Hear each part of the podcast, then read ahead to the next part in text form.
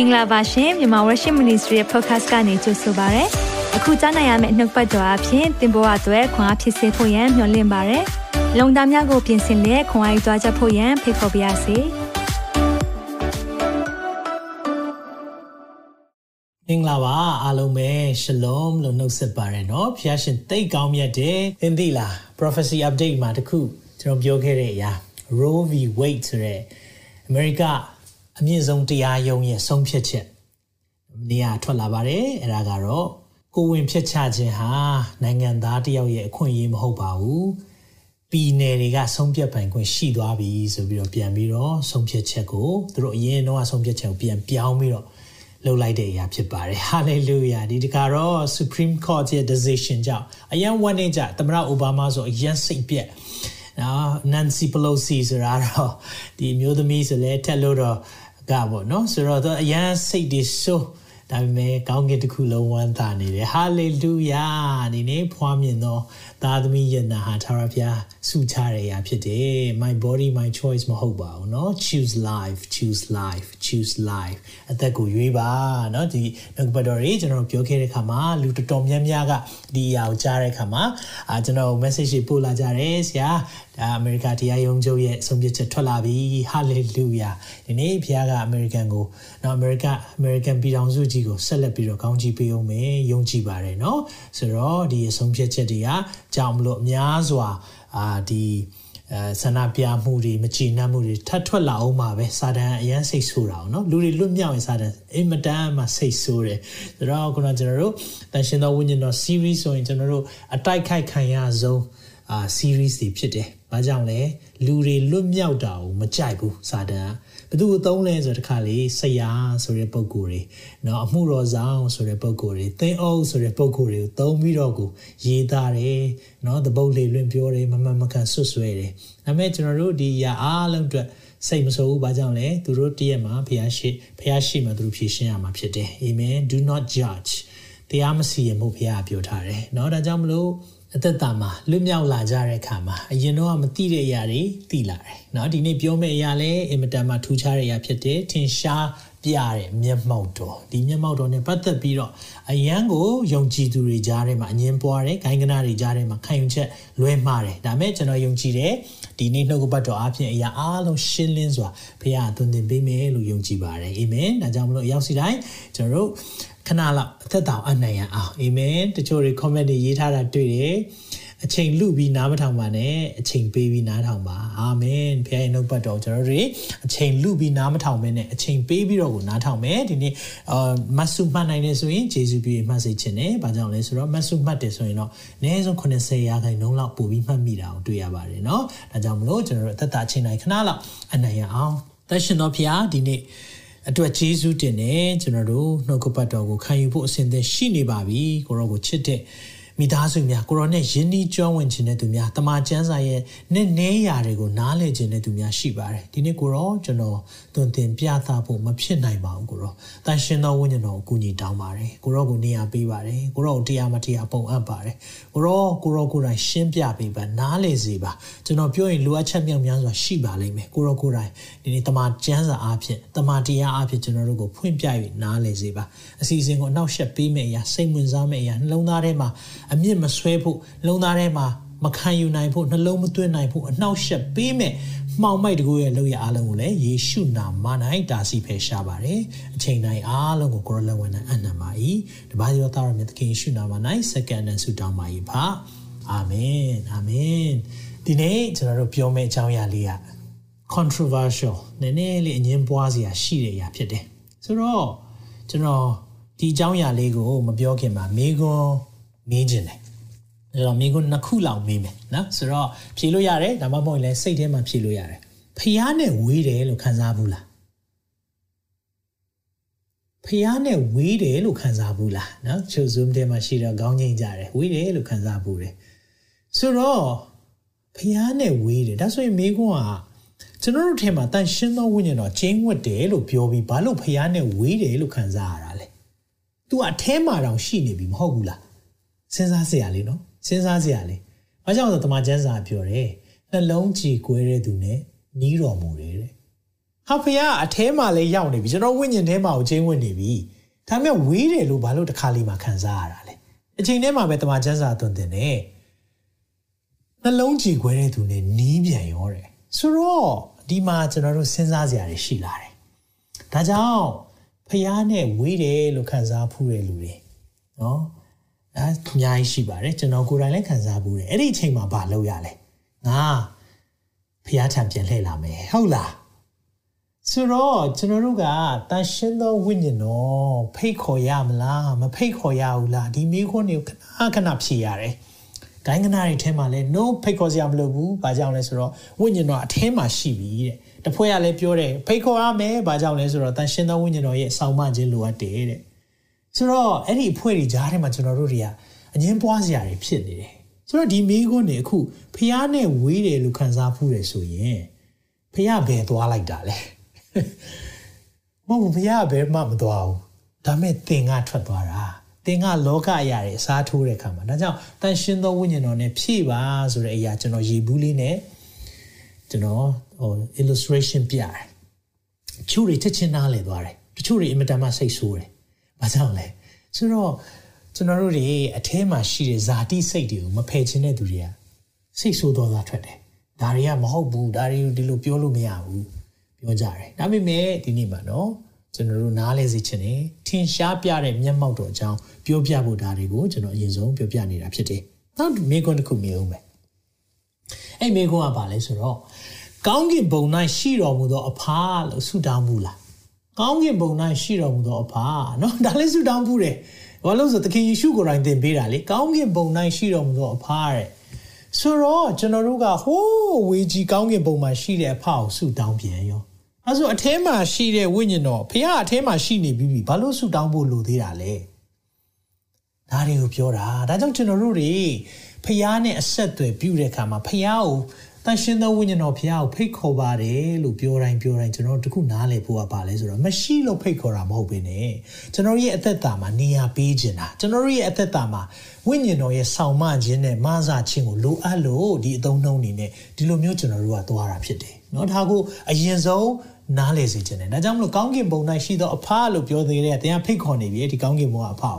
ဖခင်နဲ့ဝေးသွားတယ်လို့ခံစားကြရတင်ချင်းကပ်ဖို့လိုတယ်လို့တင်တင်သိတယ် ဒါကြောင့်ဒီနေ့ကျွန်တော်တို့ထင်ရှားပြတဲ့မျက်မှောက်တော်အကြောင်းကိုကျွန်တော်တို့လေ့လာသွားရအောင်အာမင်ဆိုတော့ထင်ရှားပြတဲ့မျက်မှောက်တော်ဝိညာဉ်တော်အကြောင်းကျွန်တော်ပြောပြီးဆိုရင်ဂိုင်းကနနဲ့ဆွဲဆွဲပြီးတော့ပုတ်ခတ်တတ်တယ်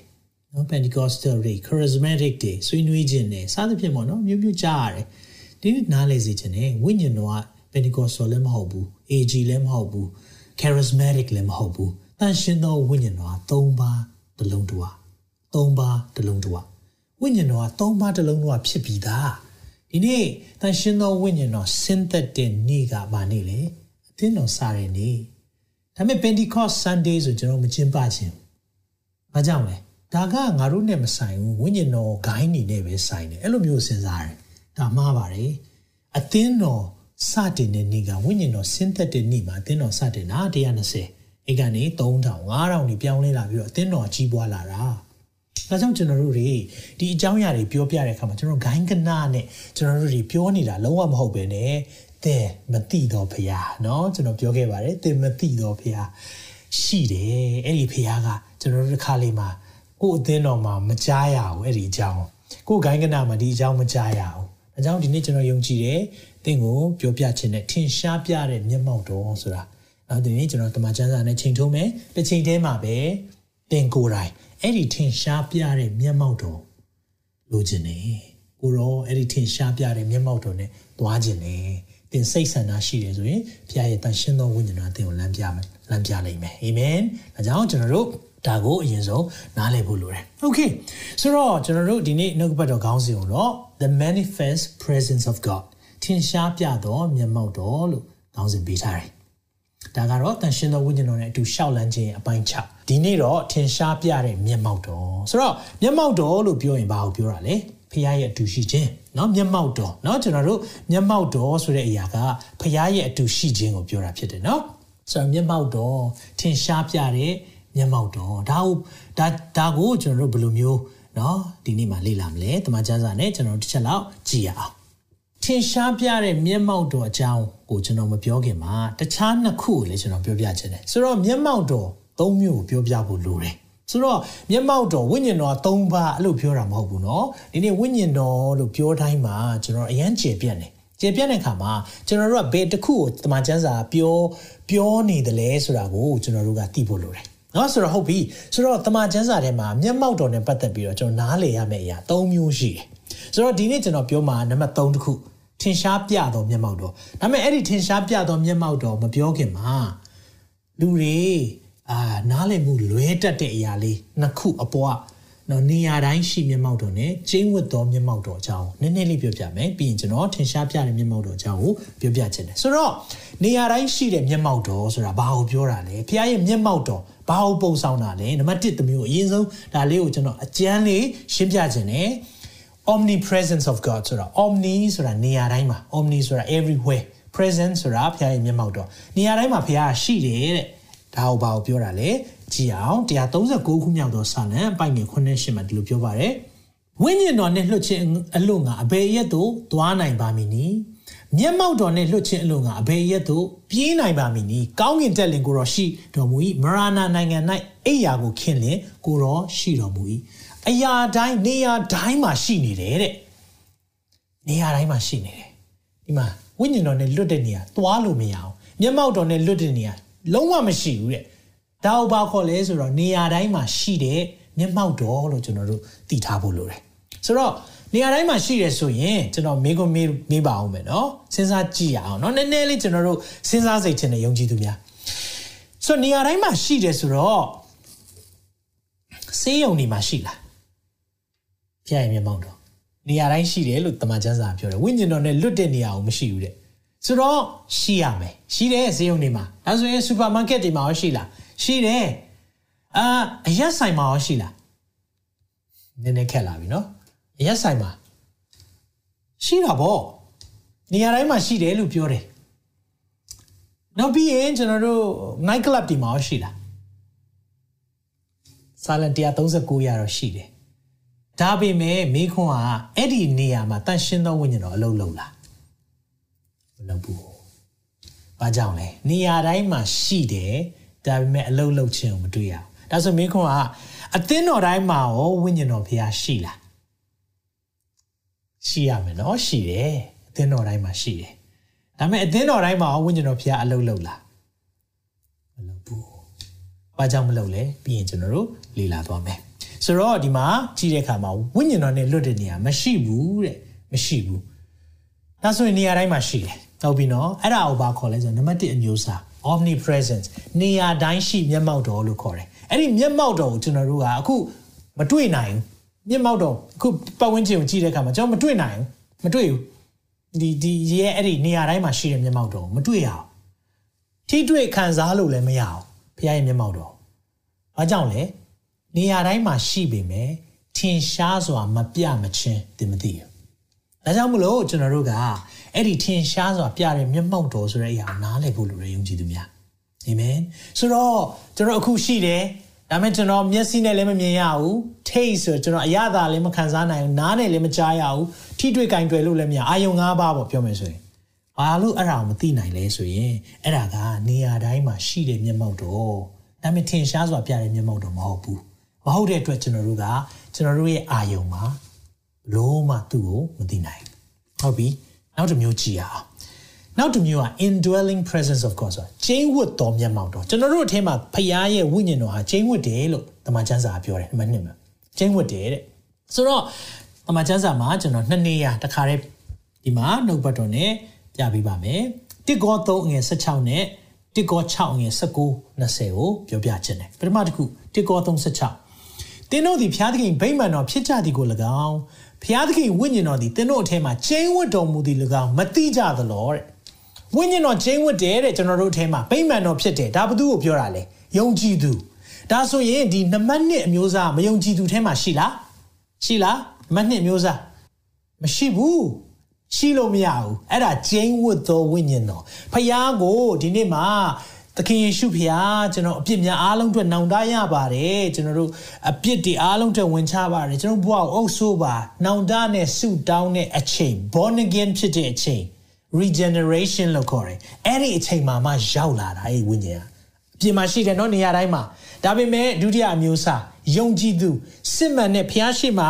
နောင်နာရပြီးပြောင်းလာပြောင်းလဲလာတဲ့နေ့ born again ဖြစ်တဲ့နေ့ regeneration ဖြစ်တဲ့နေ့အဲ့ဒီနေ့မှာကျွန်တော်တို့အထက်မှာနံပါတ်1မျိုးစားဖြစ်တဲ့ဂျင်းဝတ်တဲ့ဝိညာဉ်တော်ဖျားလာပြီးဂျင်းဝတ်တာဗိမာန်တော်ဖြစ်သွားတာဒါဆိုရင်သင်သင်ကိုသင်ပိုင်သေးလား မပိုင်တော့ကျန်းစာအောက်တစ်ပိုက်ကိုကြည့်ရအောင်တစ်ကော6ငယ်19ဘယ်သို့နည်းသင်တို့ကိုခန္ဓာသည်ဖျားသခင်ပေးတော်မူသောဝိညာဉ်တော်တည်ဟုသောသင်တို့အထင်း၌ဂျင်းဝတ်သောတန်ရှင်းသောဝိညာဉ်တော်ဤဗိမာန်တော်ဖြစ်ချောင်းကို၎င်းမိမိတို့ကိုမိမိမပိုင်ချောင်းကို၎င်းမသိကြသလောတဲ့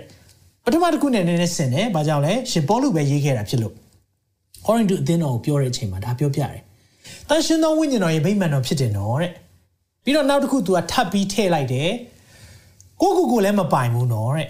ဒါဆိုရင်အငယ်20မှာကြည့်အောင်တင်းတို့ဒီအဖိုးနဲ့ဝယ်တော်မူသောသူဖြစ်သောကြောင့်ဘုရားသခင်ပိုင်တော်မူသောတင်းတို့ဤကိုခန္ဓာနဲ့စိတ်ဝိညာဉ်အားဖြင့်ဘုရားသခင်ဂုဏ်တော်ကိုထင်ရှားစေကြလော။ဒါကြောင့်ကိုကိုကိုမပိုင်တဲ့အတွက်လှုပ်ချင်တာလှုပ်လို့မရဘူး။ယုံကြည်သူများကျွန်တော်တို့ကိုယ့်ရဲ့ကိုခန္ဓာဖျားပိုင်သွားပြီအာမင်ကျွန်ုပ်ကိုခန္ဓာဖျားပိုင်သွားပြီအဲ့လိုပိုင်သွားတဲ့နောက်မှာကျွန်တော်မပိုင်တော့ဘူးဒါဆိုကျွန်တော်လှုပ်ချင်တာလှုပ်လို့ရလား မရတော့ဘူးစားချင်တာတွေစားလို့ရလားမရတော့ဘူးတောက်ချင်တာတွေတောက်လို့ရလားမရတော့ဘူးရှူချင်တာတွေရှူလို့ရလားမရတော့ဘူးငုံချင်တာတွေငုံလို့ရလားမရတော့ဘူးဝါချင်တာတွေဝါလို့ရလားမရတော့ဘူးဘသူပိုင်သွားလဲဖះပိုင်သွားပြီအာမင်ဒါကြောင့်မလို့ကျွန်တော်တို့ဒီအဲ့ဒီတခုကိုနားလည်ဖို့လိုတာဒါကြောင့်ကိုကိုကိုမပိုင်တော့ဘူးအင်းကျွန်တော်ဥပမာလေးပေးပါတယ်เนาะဒီနေ့ကျွန်တော်လက်ထက်လက်ဆွတ်လေးဒါဆွတ်ထားတယ်ဆိုတော့ဒါကျွန်တော်မှာပိုင်ရှင်ရှိတယ်လို့ပြောလိုက်တာ အဲ့ဒီဆွတ်တဲ့နေ့ကိုလည်းကျွန်တော်မှတ်မိတယ်နော်2023ဒီဇင်ဘာလ14ရက်နေ့အဲ့ဒီနေ့မှာကျွန်တော်ကဘာလုပ်လိုက်လဲ yes လို့တယောက်ကိုပြောလိုက်တယ်ဟုတ်လားဆရာမမရှိကိုကျွန်တော် yes လို့ပြောလိုက်တယ်အဲ့ဒီ yes လို့ပြောလိုက်တဲ့အခါမှာတခြားကောင်မလေးတွေအားလုံး no ပါလို့ပြောလိုက်ရတယ်ဟုတ်လားအဲ့ဒီသူ့ကိုလည်းကျွန်တော်က yes ပြောပြီးဟိုဘက်ကိုလည်း yes လို့လို့မရတော့ဘူးလေဒါဆိုဘာသဘောလဲကျွန်တော်တို့တန်ရှင်းသောဝိညာဉ်တော်ရဲ့ဗိမာန်ဖြစ်သွားပြီဆိုတော့ ဖះကိုကျွန်တော်တို့က yes ပြောလိုက်တဲ့အခါမှာလောကအရာအလုံး no ပါဝိုင်းနေအလုံးအရက်တွေအလုံး no ပါကိုယ်နေငုံနာတွေခိုင်နီးတွေအကုန်ကွန်းပေါင်းနေ no ပါတော့ဖះနဲ့မဆက်ဆိုင်တဲ့အရာအလုံး no ပါလို့ပြောလိုက်တာအဲ့ဒါအထဲမှာရှိတဲ့ဝိညာဉ်တော်ချင်းဝတ်တဲ့ဝိညာဉ်တော်ဒါပေမဲ့အဲ့ချင်းဝတ်တဲ့ဝိညာဉ်တော်ကဘယ်ချိန်လုံးလုံးလဲအဲ့ဒါသိသိစိတ်ဝင်စားဖို့ကောင်းလာပြီအဲကြောင့်တချို့လူတွေပြောင်းလဲတယ်ဆိုပြီးတော့ပုံစံကြည့်တော့ဘာမှမထူး ပိုတော်ဆိုးလာတယ်လို့လို့ဖြစ်တယ်ဆိုရင်နည်းနည်းစဉ်းစားစရာရှိလာပြီအဲကြောင့်လည်းအသီးကိုကြည့်ရင်အပင်ရဲ့သဘောကိုသိတယ်အဲကြောင့်ဒီနေ့ကျွန်တော်ပြပြမယ်နော်တချို့အရာလေးတွေချက်ချင်းကြော်လွှားနိုင်တာရှိတယ်တချို့အရာလေးတွေကြာတာရှိတယ်နောက်ခုနကျွန်တော်နောက်ဆုံးသက်သေခံချက်ဆိုချမ်းစာကြောင်းတက်ထားတဲ့ပုံကိုချမ်းစာကြောင်းတွေတက်ပြီးချမ်းစာကိုလေ့လာထားတဲ့ကျမ်းတက်ပုံကိုဖြစ်နေတာဒါပေမဲ့အထဲကချင်းဝတ်တဲ့ဝိညာဉ်အလုံးလုံးလာတဲ့အချိန်နှုတ်ကပတ်တော်ကြားပြီးတော့ဟာ ဖြစ်သွားတဲ့အချိန်မှာ तू မကြော်လွှားနိုင်ဘူးလို့ထင်ထားတဲ့အရာတွေမပြတ်နိုင်ဘူးလို့ထင်ထားတဲ့အရာတွေဘုရားဖြစ်ပေးနိုင်တယ်ဟာလေလုယာကျွန်တော်ယုံကြည်တယ်ဒီနေ့မှာအဲ့ဒီတန်ရှင်းသောဝိညာဉ်တော်ကိုအခွင့်ပေးပါဘဝမှာကျွန်တော်နေရာပေးရအောင်ကျွန်တော်တို့အဲ့ဒီဝိညာဉ်တော်ရဲ့အလုံးလုံးချင်းကိုကျွန်တော်တို့ကယုံကြည်ရအောင် ကျွန်တော်တို့ကပိတ်ထားတာစူးစမ်းပြီးတော့လုပ်လို့မရဘူးကိုးစားပြီးပဲလုပ်လို့ရတယ်။အဲကြောင့်ကျွန်တော်ဘဝမှာလည်းအော်ဖះကိုတိလာဘောနကန်ဖြစ်လာဖြစ်တယ်ဒါပေမဲ့မကြော်လွှားနိုင်မဲအများကြီးကြုံခဲ့သေးတယ်နှစ်ပေါင်းများစွာ။အကြောင်းကျွန်တော်နားလဲတယ်မိတ်ဆွေတင်မဖြတ်နိုင်သေးတဲ့အရာတွေရှိတယ်။နားလဲတယ်ဒါပေမဲ့ဖះကိုခွင့်ပေးကြည့်ပါ။အာမင်ဖះကိုခွင့်ပေးကြည့်ပါအဲ့လိုခွင့်ပေးကြည့်လိုက်တဲ့အခါမှာပြောတဲ့ addiction တွေဆွဲလမ်းမှုပြဿနာတွေယူပြစ်တယ်လို့ဘုရားဖယ်ပေးနိုင်တယ်။ hallelujah လက်တွေ့ပါဘဝမှာကိုယ်တိုင်ကြုံရတာဖြစ်တယ်။နှစ်ပေါင်းများစွာ struggle ဖြစ်ခဲ့တဲ့အရာတွေဘုရားရဲ့ဝိညာဉ်တော်နဲ့တွေ့တဲ့အခါမှာ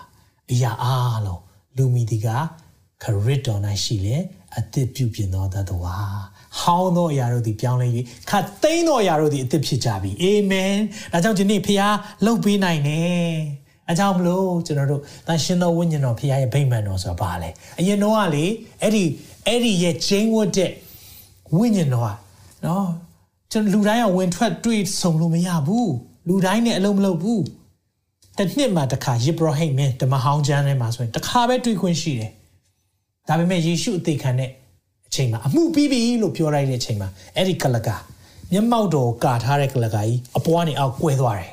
ကွဲသွားပြီးအဲ့ဒီမျက်မှောက်တော်ကဘယ်ထဲရောက်လာလဲသူ့ကိုယုံကြည်လက်ခံတဲ့သူတွေအထဲကိုရောက်လာတယ်ဟာလေလုယာကျွန်တော်တို့အထဲမှာလေ the same power that conquer the grave တေခြင်းကိုခရစ်တော်ကိုတေခြင်းမှထမြောက်စေတဲ့တကိုးရှိတာအဲ့ဒီတကိုးကကျွန်တော်တို့ကိုအရာအလုံးတက်ဆွမ်းနိုင်တယ်အာမင်တေခြင်းကနေရှင်စေတဲ့တကူကျွန်ုပ်ထဲမှာရှိတယ်လို့ပြောပါအောင်ဟာလေလုယာခရစ်တော်ကိုသေခြင်းမှရှင်စေနိုင်တဲ့တကူကျွန်တော်တို့အထဲမှာရှိတယ်အဲ့ဒီတကူကိုအခွင့်ပေးကြည့်လိုက်အဲ့ဒီတကူနဲ့သင်အလုံးလုံးမယ်ဆိုရင်လေအရာအားလုံး very easy hallelujah ဘုရားက ဒီအရာအားလုံးကိုကျွန်တော်တို့ကိုသူ့ရဲ့တကူနဲ့ဆောင်မခြင်းနဲ့ဒါကြောင့်ငါဂျေဇုတည်တင့်ဖို့လောက်ပြီတဲ့သင်အားနေခြင်းအရာတော့ငါတို့အားနေခြင်းအရာမှာခွန်အားတဲ့တကူတဲ့အဲ့လိုတုံထားတယ် power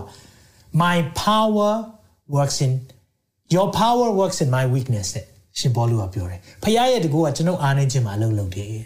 ကျွန်တော်အဆုံနေတဲ့အရာအားနေတဲ့အရာအဲ့ဒီအရာကိုလှုပ်ဆောင်ပေးတာလေဂျေဇုတော်မဆာခြင်းအထဲမှာရှိတဲ့เนาะကျင်းဝတ်တဲ့ အတန်ရှင်သောဝိညာဉ်တော်လှုပ်လှုပ်လာတာအာမင်နားလည်နိုင်မလားဒါကြောင့်မလို့ပထမတစ်မျိုးကနေရာတိုင်းမှာရှိတယ်နေရာတိုင်းမှာရှိတယ်သို့တော့ကျွန်တော်တို့တွေအာယုံ၅ပါးနဲ့မသိနိုင်ဘူးဒုတိယတစ်မျိုးနော်ကျွန်တော်တို့ခရစ်တော်ကိုလက်ခံလိုက်တဲ့နေ့မှာရောက်လာတယ်။ဒါပေမဲ့အဲ့ဒီတန်ရှင်သောဝိညာဉ်တော်အလုံးလုံးဖို့ကျွန်တော်တို့နေရာပေးဖို့လိုတယ်။အဲ့ဒီဝိညာဉ်တော်ဖခင်ရဲ့အလုံးလုံးခြင်းကိုခံယူတတ်ဖို့လိုတယ်။အဲ့ဒီအချိန်ဆိုရင်ဖခင်ရဲ့မဆာခြင်းရှိလာတယ်။အာမင်။ဆက်ပြီးတော့ကျွန်တော်ကြည်အောင်။ဘာပြောထားသေးလဲ အဲ့ဒီဝိညာဉ်တော်ဟာဘာလုပ်ပေးတယ်လို့ပြောလဲ။နှစ်ကောအခန်းကြီး1အငယ်21ကနေ20နေမှာဒီလိုပြောတယ်။ငါတို့နဲ့ sorry သင်တို့နဲ့ငါတို့ကိုခရစ်တော်၌တည်စေ၍ဗိသိက်ပေးတော်သူကဖျားသခင်ပေးဖြစ်သည်ကျွန်တော်တို့ဗိသိက်ပေးတာဘာလို့လဲဖျားဖြစ်တယ်เนาะဒါကြောင့်ကျွန်တော်တို့ခါလေးဗိသိက်ခံမယ်တို့ဘာတို့เนาะဆရာဆရာမတွေစီမှာသွားတတ်တယ်ဒီမှာတော့ပြောတာတော့ဗိသိက်ပေးတာဖျားပဲဖြစ်တယ်တဲ့ ထိုဖျားထိုဖျားသခင်သည်ငါတို့ကိုဒစိတ်ခတ်၍တဲ့ငါတို့စိတ်နှလုံးထဲ၌ဝိညာဉ်တော်တည်ဟုသောစယံကိုသွင်းပေးတော်မူ၏အဲ့ဒီစယံက guarantee guarantee ဆိုတာအာမခံပေးလိုက်တာ hey ဒါငါသားဖြစ်သွားပြီ hey ဒါငါသမီးဖြစ်သွားပြီဩတန်ရှင်သောဝိညာဉ်တော်လက်ခံတဲ့နေ့မှာ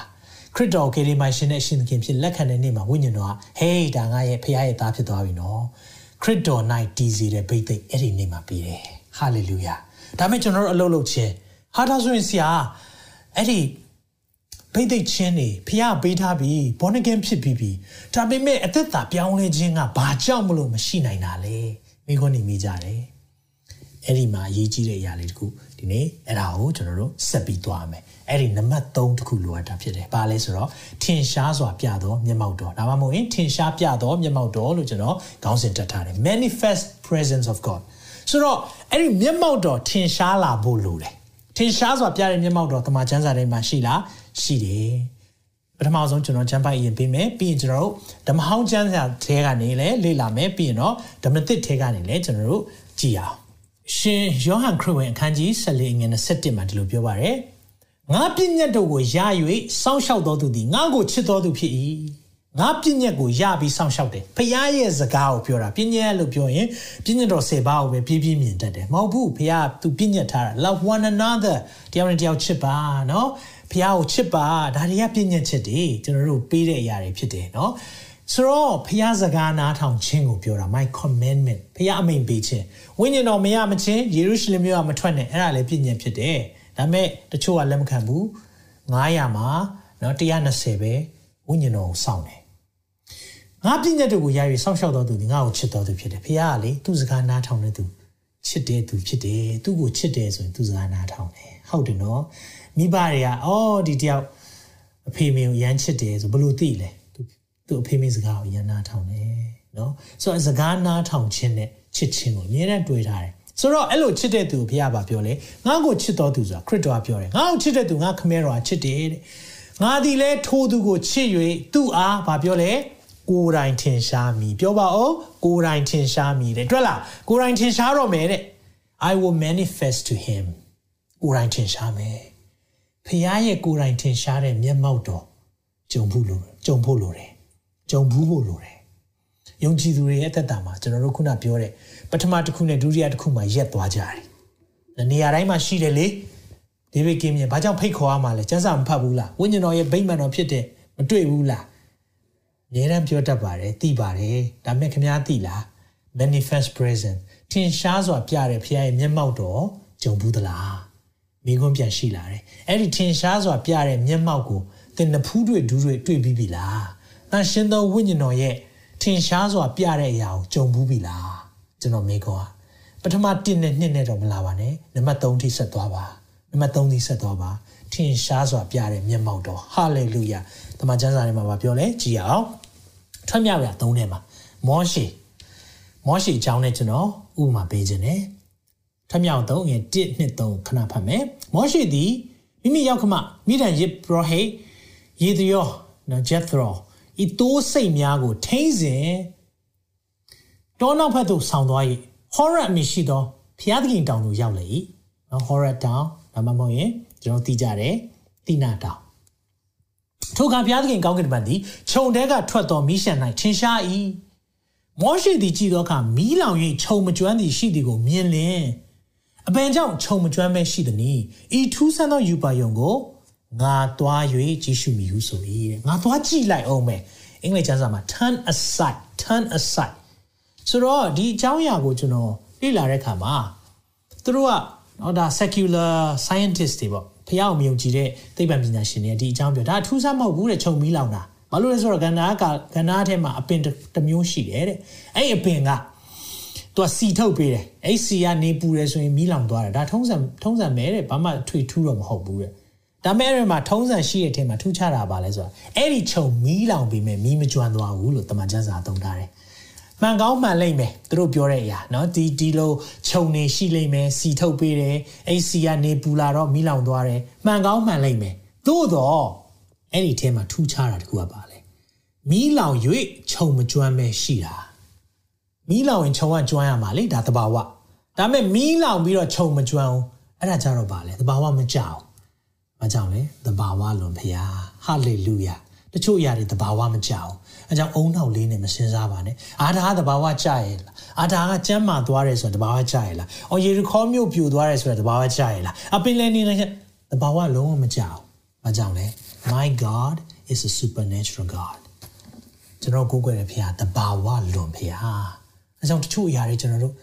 ခေါင်းနဲ့စဉ်းစားလို့မရအောင်ဒါကြောင့်မပြောလဲဖခင်ပြင်ဆင်ထားတဲ့အရာလေ no eye has seen no ear has heard no mind has imagined မျက်စိနဲ့မမြင်နားဖြစ်မကြစိတ်နှလုံးနဲ့မကြံစီသေးဘူးတဲ့အဲ့ဒီအရာတွေရှိသေးတယ်တဲ့ဒါကြောင့်မလို့တချို့အရာတွေသင်အားလုံးသိပြီလို့ပြောလို့မရဘူးတို့ချို့ဝိညာဉ်တော်အကြောင်းတွေပြောပြီးဆိုရင်ဟာဒါကဒါဒီလိုရှိတယ်ဒါဒီလိုရှိတယ် expert တွေ expert တွေတွေ့တတ်တယ်ဒီနေ့ကျွန်တော်တို့အားလုံးမသိနိုင်ဘူးဘုရားရဲ့အကြောင်းတွေအဲကြောင့်မလို့ကျွန်တော်တို့သိတာကထားပါတော့ 20ရာခိုင်နှုန်းလောက်ပဲသိတယ်ဆိုရင်ကျွန်တော်အခုပြောနေတာသင်မသိတဲ့20ရာခိုင်နှုန်းပြင်ပဖြစ်နေမယ်ဆိုခဲ့ရင်ကောဒါကြောင့်ကျွန်တော်တို့တွေ open mind ရှိဖို့လိုတယ်ကြည့်ဖို့လိုတယ်ဒီမှာတန်ရှင်တော်ဝိညာဉ်တော်နဲ့ပတ်သက်ပြီးတော့မီးလောင်ပြီးတော့ခြုံမကျွမ်းတယ်ဘာဖြစ်တာလဲမျက်မှောက်တော်ထင်ရှားပြတဲ့မျက်မှောက်တော်အဲ့ဒီထင်ရှားပြတဲ့မျက်မှောက်တော်ကိုတွေ့ဖို့ကလေစိတ်ဝင်စားဖို့လိုတယ်အဲ့ဒီစကလုံးလေးသုံးသွားတယ် ငါသွားရကြည့်ရှုမယ်ဆိုတော့ငါသွားပြီးကြည့်လိုက်အောင်မယ်ဆိုရင်မြန်မာလိုတော့ဟုတ်တာပေါ့ဒါပေမဲ့ turn aside ဆိုတာက तू လုံနေတာတိုးတွေစိတ်တွေကြောင်းနေရင်တန်းလန်းနေ तू ကနေပါဦးဒါထူးဆန်းနေငါသွားလိုက်အောင်မယ်ဆုံးဖြတ်ချက်ပါတယ်ဟာဒါကိုလုံနေသမျှအရာအားလုံးခဏထားခဲ့ပြီးတော့ဒီအရာကိုငါစိတ်ဝင်စားတယ်ဒီနေ့ဘယ်နှယောက်ဒီထဲမှာကိုလုံနေတဲ့ဟာတွေချက်ပြုတ်ခြင်းနေနော်ကိုရဲ့လုံနေတဲ့အိမ်ထောင်မှုတွေခိုက်စားတွေခဏလေးရက်ပြီးတော့ ငါထမ်းဆိုင်ဒီဟာထူးဆန်းတယ်ငါသွားလိုက်အောင်မယ်ဟာလေလုယာအဲ့ဒီနှလုံးသားရှိတဲ့လူဖရားလို့ရှိတယ်အာမင်မောရှေကဒီမှာခဏနေအောင်ငါသုံးသွားစိတ်ကြောင်းနေတဲ့ဟာခဏထားလိုက်အောင်မယ်ဒါပါလည်းမသိဘူးအင်မတန်ထူးခြားတယ်ဖရားအဲ့ဒီချိန်ကျမှသူ့ကိုခေါ်တာမောရှေမင်းနင်းတဲ့မြေကမြေတတ်တယ်ချင်းနေုံချောဘာဘူးလဲဒါဘာဘူးလဲဘာဘူးလွတ်တယ်လို့ပြောရမလဲငါ I am I am လွတ်တယ်လို့ပြောပါ အဲ့ I am ဆိုတဲ့စကားလုံးကိုလေဓမ္မဟောင်းထဲမှာလည်းသုံးတယ်လို့ယေရှုကလည်း I am ခုနှစ်ခုသုံးထားတယ်ဒါကြောင့်ကျွန်တော်တို့ဒီနှုတ်ပတ်တော်ကြည့်တဲ့အခါမှာ turn aside ကြည့်ရှုမယ်အရာအလုံးခဏလေး turn aside လှည့်ထားလိုက်အောင်မယ်လုံးဝဓာတ်တွေခဏလေးလောကအရာကိုမိထားလိုက်အောင်မယ်ဆိုတဲ့အတိတ်ပဲဖြစ်တယ် ဆိုတော့မိခွန်းတစ်ခုလည်းထပ်မေးခြင်းတယ်เนาะဒီနေ့မိခွန်းတွေနည်းများတယ်ဆိုတော့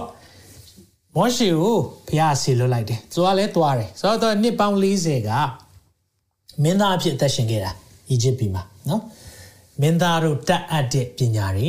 တတ်တယ်ပြီးတော့နှစ်ပေါင်း40ရောက်ခမရဲ့သိုးစိတ်တွေကြောင်းတော့သူတော်ရဲရောက်သွားတာဖခင်ရဲ့ပြုပြင်ခြင်းကာလပြင်ဆင်ခြင်းကာလသွားတယ်အဲ့ဒီနှစ်ပေါင်း40ပြီးတော့နောက်ထပ်နှစ်ပေါင်း40အဲ့ဒီကြမှာဖခင်ရဲ့သုံးခြင်းခံရတယ်အကြောင်းဒီနေ့တော့ဖခင်ကကျွန်တော်တို့သုံးခြင်းလဲဆိုရင်အရင်ဆုံးကျွန်တော်ပြုပြင်ဖို့လိုတယ်ဆိုတော့မောရှေက တောထဲမှာနှစ်ပေါင်း40သာ training မဆင်းခဲ့ဘူးဆိုရင်သူပြောလို့ရတယ်ငါ Egypt Egypt မင်းသားဆိုတော့မင်းသားတို့တတ်အပ်တဲ့အတတ်ပညာတွေငါတတ်တယ်လေနော်တနေရာမှာဆိုနှုတ်သက်တိနော်ပြည့်စုံတာအဲ့ဒါနောက်ဆုံးတကယ်တမ်းကျတော့နှစ်ပေါင်း40လောက်သူတိုးချောင်းစိတ်ချောင်းလုပ်တဲ့ခါကျတော့စကားအတော်သူဖြစ်တယ်တဲ့ပြောတာတော့မှသူကောင်းကောင်းမပြောနိုင်တော့အဲ့ဒီချိန်ကျမှဖះကလေသူအလုပ်လုပ်တယ်ဆိုတာပြလို့ရှိတယ် ကျွန်တော်တို့0ဖြစ်သွားတဲ့အချိန်မှာသူ hero ဖြစ်တယ် hallelujah ခါလေးမှလေကျွန်တော်နှုတ်ကပတ်တော်တွေလိလာတိုင်းဟောပြောတိုင်းဘာကိုဖះကိုယေရှုတင်မိလဲသိလားကိုရောကျွန်တော်ဒီအရာတွေကျွန်တော်ကြောင်းတက်ပြီးတင်ထားတယ်ဆိုရင်ကျွန်တော်ကြောင်းတက်ပြီးတင်ထားတယ်လို့ကြွားစရာရှိတယ်ဒါပေမဲ့ကိုရောအလုံးလုံးတဲ့အရာမြင်တွေ့ရလို့ယေရှုတော်ချိန်မှန်းနေအဲကြောင့်ကျွန်တော်တို့ကိုဖះဖွင့်ပြတယ်ဆိုရင်ကျွန်တော်တို့ရဲ့တတ်ဆွမ်းနိုင်မှုတွေကိုတခါလေဖះမသုံး ဆိုတော့အီဂျစ်ကိုရောက်သွားတယ်သူကဖာရောကိုပြောတယ်ငါလူတွေကိုလွတ်ပါ let my people go လွတ်ပါတဲ့ဆိုတော့ဘယ်ကိုလွတ်ရမှာလဲဘယ်ခေါ်သွားမှာလဲအဲ့မိကွန်းရှိတယ်ဆိုတော့မိကွန်းမိမယ်လို့ခုနကကျွန်တော်ပြောထားတယ်ဆိုတော့ဂျူးတွေဣတိလလူမျိုးတွေအားလုံးကိုမောရှိကတနေရာခေါ်သွားတယ်အဲ့ခေါ်သွားတဲ့နေရာဘယ်နေရာလဲဖြေပါဦးအဲ့ခေါ်သွားတယ်အားလုံးခေါ်သွားတယ် နံပါတ်1ဂတိတော်မြေဟုတ်လားဂတိတော်မြေကိုခေါ်သွားတာလားဟုတ်တယ်တဲ့ခေါင်းတွေညိတ်နေကြတယ်ဟုတ်တယ်ဂတိတော်မြေခေါ်သွားတယ် no ဘယ်ကိုခေါ်သွားလဲသိလားတကယ်ခေါ်သွားတဲ့နေရာရှိတယ်အဲ့ခေါ်သွားတဲ့နေရာတခြားနေရာမဟုတ်ဘူးငါလူတို့သည်တော၌ကိုးကွယ်ဖို့ရန်ခေါ်သွားမယ်တဲ့သူဘယ်ကိုခေါ်သွားတယ်သိလား ဖျားနဲ့သူနဲ့မျက်နှာချင်းဆိုင်နဖူးတွေဒူးတွေတွေ့တဲ့ထင်ရှားပြတဲ့မျက်မှောက်တော်ခေါ်သွားတာအရင်ဆုံးဒါကြောင့်သူတို့ကတိနာတောင်အရင်သွားတာမိတ်ဆွေဒီနေ့နားလဲစေချင်တယ်အမှုတော်ဆောင်တွေဒီထဲမှာရှိတယ်ဆက်ဆက်မတွေရှိတယ်ဆိုရင်လေသင်ဖျားနဲ့နဘူးတွေဒူးတွေအရင်တွေ့ဖို့လိုတယ်ဖထင်ရှားပြတဲ့မျက်မှောက်တော်ထဲမှာသင်ရှိနေပြီးမှသာလေသင်ရဲ့သိုးတွေအားလုံးကိုထင်ရှားပြတဲ့မျက်မှောက်တော်ထဲခေါ်သွားလို့ရတာဟာလေလုယာမောရှိခေါ်သွားတာ တန်းနော်ဒါချန်တဲ့ပုဂ္ဂိုလ်တွေ scholar တွေအရဆိုရင်3သန်းလောက်ရှိတယ်လူဦးရေမျိုးသားကြီးကြီး6သိန်းဆိုတော့ကလေးတွေပိုင်အန်ကနန်နော်အတင်းတော်အကြီးကြီးပေါ့ဒီအားလုံးသွားနိုင်ဖို့ကဘာဘာလို့လဲသိလားအဲ့ဒီထင်ရှားပြသောမျက်မှောက်တော်နဲ့တွေ့ဖို့လိုတယ်ဟာလေလုယာသင်ရဲ့သက်တာမှာယုံကြည်သူဖြစ်တယ်မထူးခြားနေသေးဘူးဆိုရင်ဒီနေ့သင်လိုအပ်တာတခြားမဟုတ်ထင်ရှားပြသောမျက်မှောက်တော်လိုအပ်တာအာမင် ဖခင်ရဲ့စကားကိုနားထောင်မယ်ဆိုရင်ဖခင်ချစ်တယ်လို့သတ်မှတ်တယ်အဲ့ချစ်တဲ့သူကိုခမဲတော်လည်းချစ်တယ်တဲ့အဲ့ဒီသူစီလည်းကိုယ်တိုင်ထင်ရှားမယ်တဲ့ဟာလေလုယာဒီနေ့ဖခင်စကားနားထောင်ခြင်းနဲ့သက်ရှင်ရအောင်အာမင်ထင်ရှားပြတဲ့မျက်မှောက်တော်ထဲမှာတွားဖို့လိုတယ်ဆိုတော့ဒီအရာလေးဒါကြောင့်မင်းခွန်မေးတဲ့ခါမှာเนาะเนาะကျွန်တော်တို့သိဖို့လိုတယ်ဂရီတော်မြေကိုခေါ်သွားတာတော့ဟုတ်ပြီမဲ့ဂရီတော်မြေကိုတခါတည်းသွားတာမဟုတ်ဘူးဖះနဲ့အရင်တွေ့စေချင်တာ ဒီနေ့ကျွန်တော်တို့လေဂတိတော်အရှင်နဲ့အရင်တွေ့ဖို့လိုတယ်ဂတိတော်အရှင်နဲ့တွေ့ပြီးမှဂတိတော်မြေထဲဝင်ဖို့လိုတယ်ဟာလေလုယာကောင်းကြီးမင်္ဂလာအရှင်နဲ့အရင်တွေ့ပါကောင်းကြီးမင်္ဂလာအရှင်နဲ့တွေ့ပြီးတဲ့အခါမှာကောင်းကြီးမင်္ဂလာဆိုတဲ့အရာက automatic နောက်မှာလိုက်လာတဲ့အရာဖြစ်တယ်ဒါမဲ့ယုံကြည်သူတော်တော်များများကောင်းကြီးမင်္ဂလာအကြောင်းကြားခြင်းတယ်ဂတိတော်အကြောင်းကြားခြင်းတယ်ဒါမဲ့ကျွန်တော်မိကုန်းကသင်ဂတိတော်နဲ့ဂတိတော်ကိုမတွေ့ခင်မှာဂတိတော်အရှင်နဲ့တွေ့ပြီးပြီလား ဟာလေလုယာထင်ရှားပြတဲ့မျက်မှောက်တော်ထဲမှာသင်ရောက်ဖူးပြီလားဒီအရေးကြီးတယ်နံပါတ်1နဲ့နံပါတ်2အမျိုးနဲ့မချေနှပ်ပါနဲ့နော်နေရာတိုင်းမှာရှိတာပေါ့ဒါရှင်သောဝိညာဉ်တော်အထင်းမှာရှိတယ်ဒါဆိုခုနအဖွင့်မှာမေးတယ်မိကုန်းဖះနဲ့ဝေးတယ်လို့ဘာလို့ခံစားရတာလဲသင်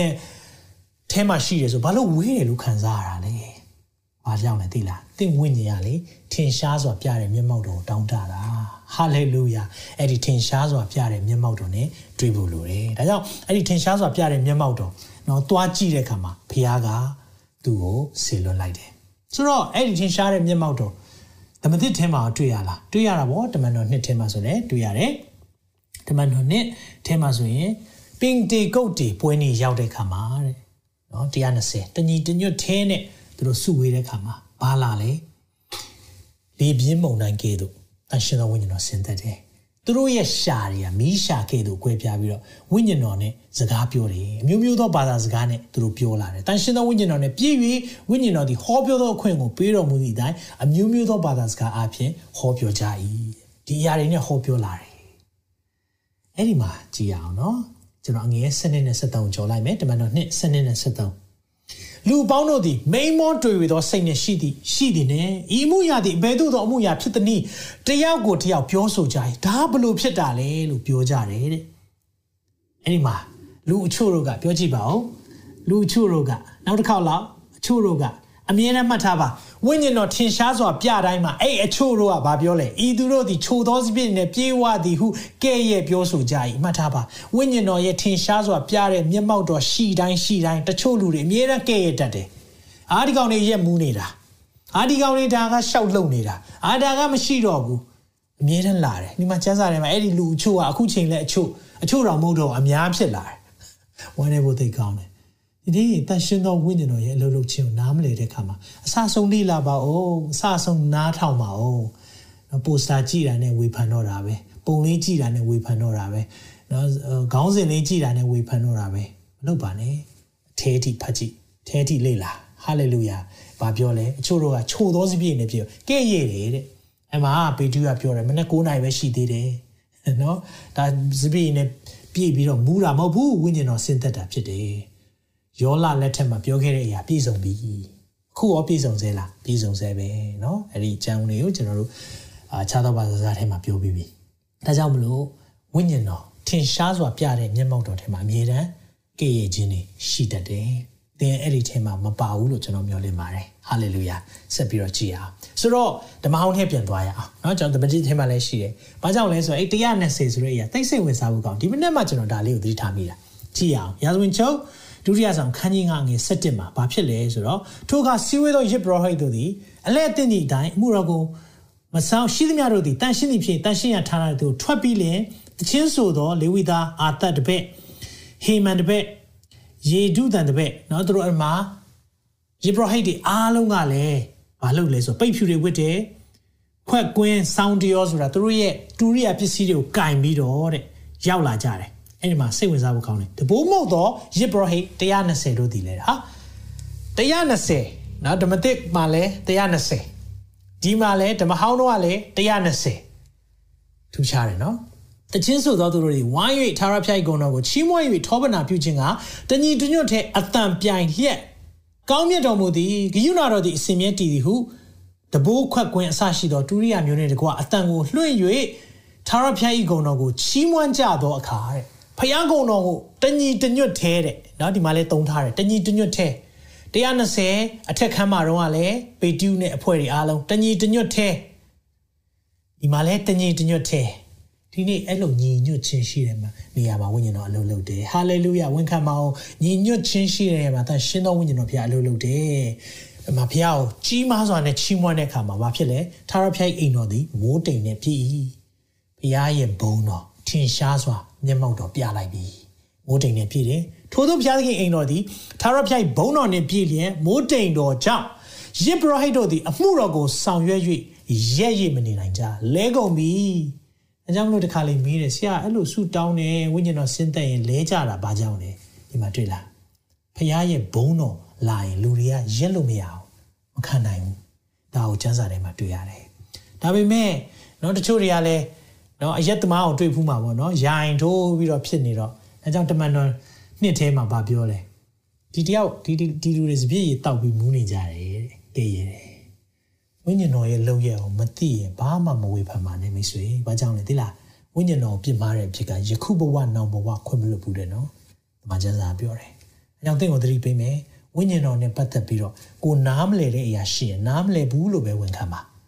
ကိုနားမလည်မသိသေးတာအများကြီးရှိတယ်လေးလာဖို့လိုသေးတယ်ဆိုတာပဲဝန်ခံပါဝ open mind ရှိပါအာမင်ဒီမှာဆိုရင်အမှုတော်ဆောင်ရွက်တဲ့သူတွေရက်ပြီးမနေနိုင်ဘူးဒါဆိုရင်ထင်ရှားစွာပြတဲ့မျက်မှောက်တော်နဲ့နေ့စဉ်ဘယ်လိုသက်ရှင်မလဲ practical လေးချက်ပေးမယ်နော်ထင်ရှားစွာပြတဲ့မျက်မှောက်တော်နဲ့နေ့စဉ်ဘယ်လိုသက်ရှင်မလဲကိုဟုတ်ပြီဆရာနားလဲပြီနော်အခုနေရာတိုင်းမှာရှိတဲ့မျက်မှောက်တော်ကိုသိသွားပြီကျင်းဝတ်တဲ့မျက်မှောက်တော်ဆိုတာလည်းသိသွားပြီ အမှကျွန်တော်အသက်တာထူးခြားခြင်းနဲ့ကျမအသက်တာထူးခြားခြင်းနဲ့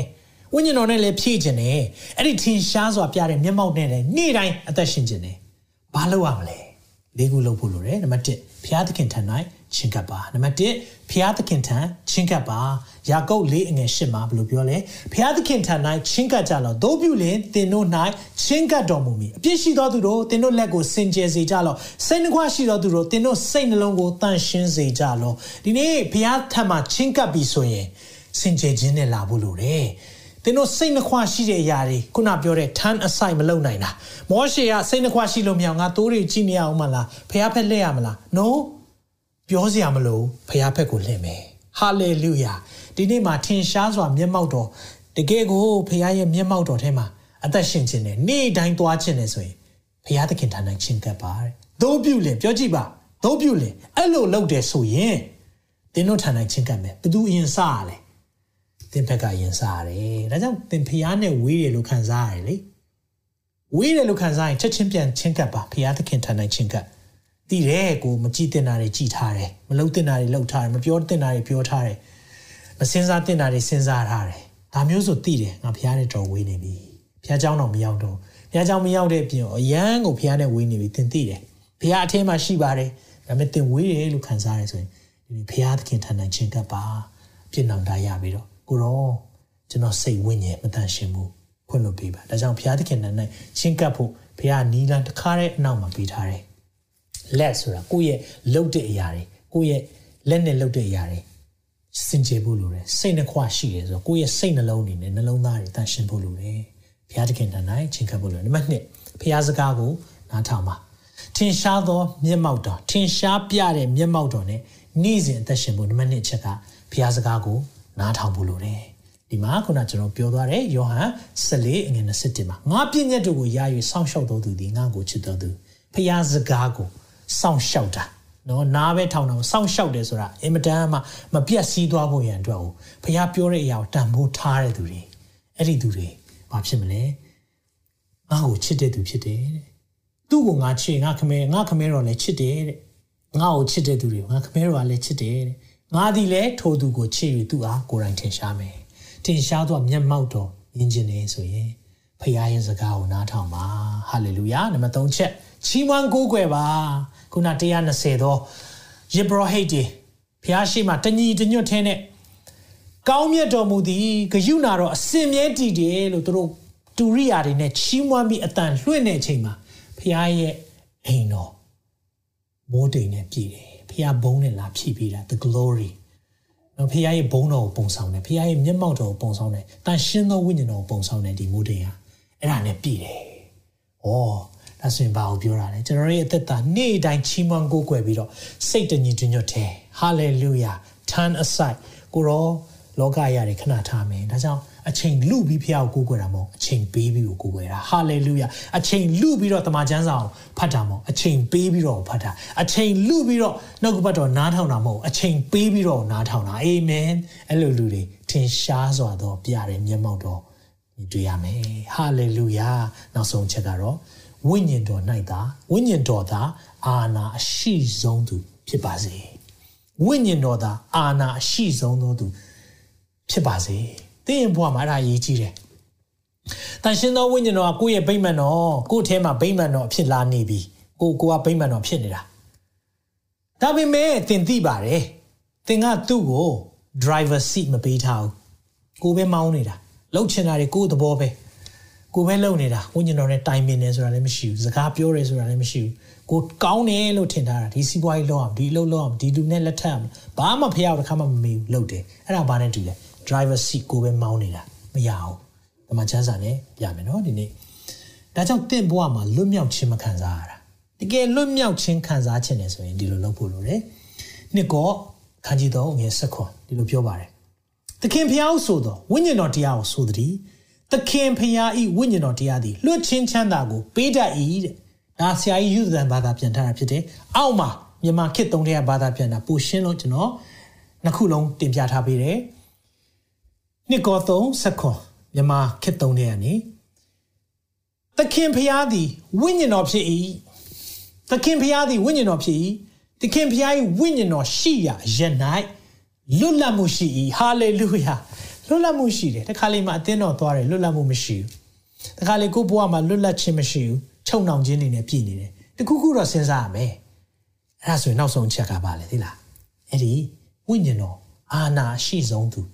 တော်သူဖြစ်ဖို့လိုတယ်အဲ့ဒီမှာသခင်ဆိုတဲ့စကားလေးကိုကြည့်ပါအဲ့ဒီသခင်ဆိုတဲ့စကားက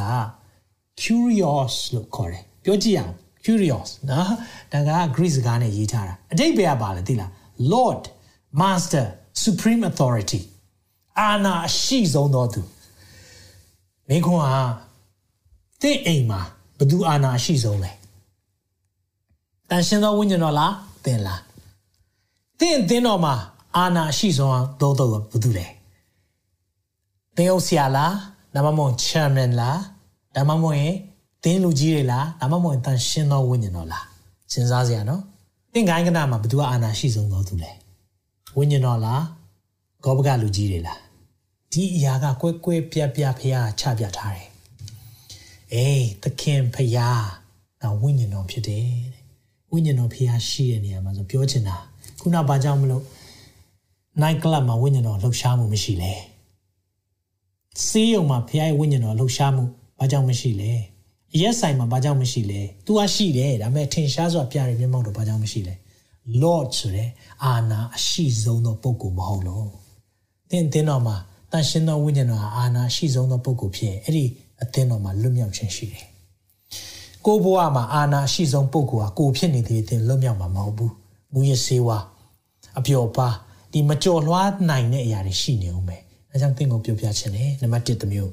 နေရာတိုင်းမှာရှိတဲ့မျက်မှောက်တော့ကျွန်တော်နားလည်သွားပြီဒါပေမဲ့ကျင်းဝတ်တဲ့ဝိညာဉ်တော်သူနေရာမရအောင်အခွင့်မရအောင်ဒီနေ့အခွင့်ပေးရအောင်ဟာလေလုယာအဲ့ဒီတန်ရှင်သောဝိညာဉ်တော်အခွင့်ပေးလိုက်တဲ့နေ့မှာဘာဖြစ်သွားလဲ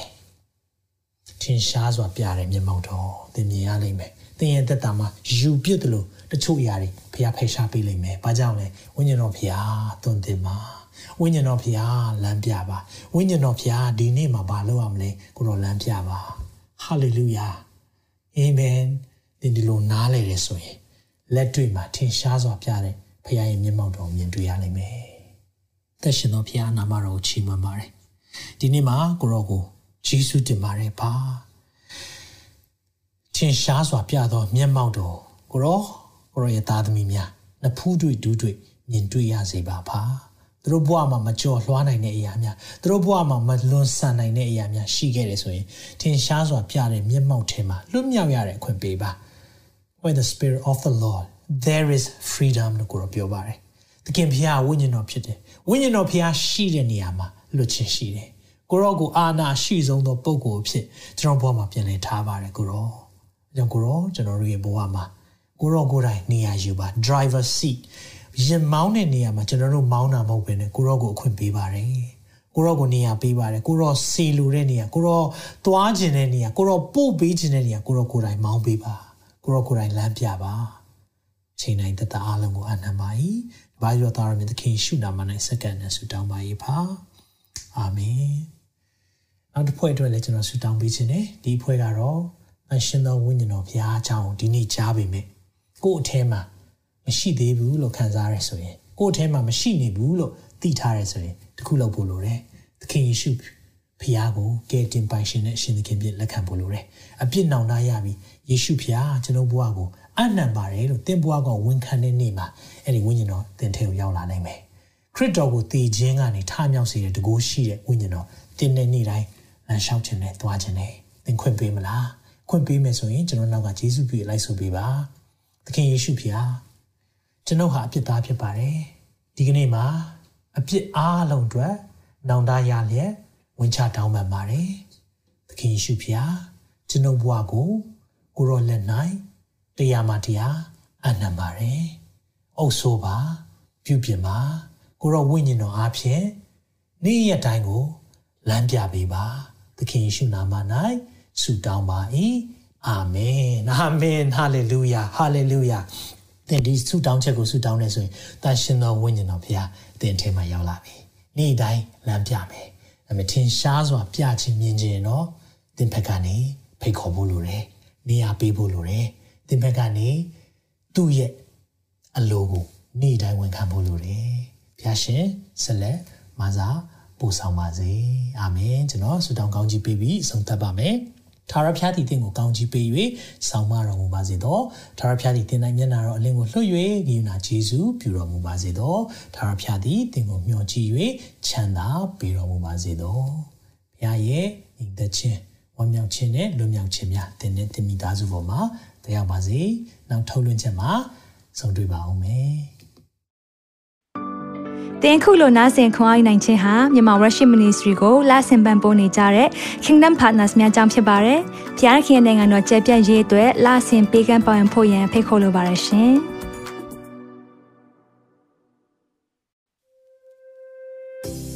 ။အခုကြားနာခဲ့ရတဲ့နှုတ်ပတ်တော်အဖြစ်ခွန်အားရရှိမဲ့လို့ယုံကြည်မျှော်လင့်ပါတယ်။ခွန်အားရဆိုလို့ရှိရင်ဒီတစ်ပတ်နဲ့ပြန်လည်ဝင်မြပေးဖို့ရန်တောင်းဆိုပါရစေ။ မြန်မာ Worship Ministry ရဲ့ website myanmarworship.com ကိုလည်းလာရောက်လေ့လာဖို့ရန်အတွက်ဖိတ်ခေါ်ချင်ပါတယ်။တစ်ချိန်တည်းမှာမြန်မာ Worship Ministry ရဲ့ social media platform များဖြစ်တဲ့မြန်မာ Worship YouTube Channel, မြန်မာ Worship Facebook Page နဲ့မြန်မာ Worship Instagram များကိုလည်းလာရောက်လေ့လာဖို့ရန်အတွက်ဖိတ်ခေါ်ချင်ပါတယ်။နောက်တစ်ချိန်မှာပြန်လည်ဆုံတွေ့ကြပါစို့။ဖျားရှင်ကောင်းကြီးပေးပါစေ။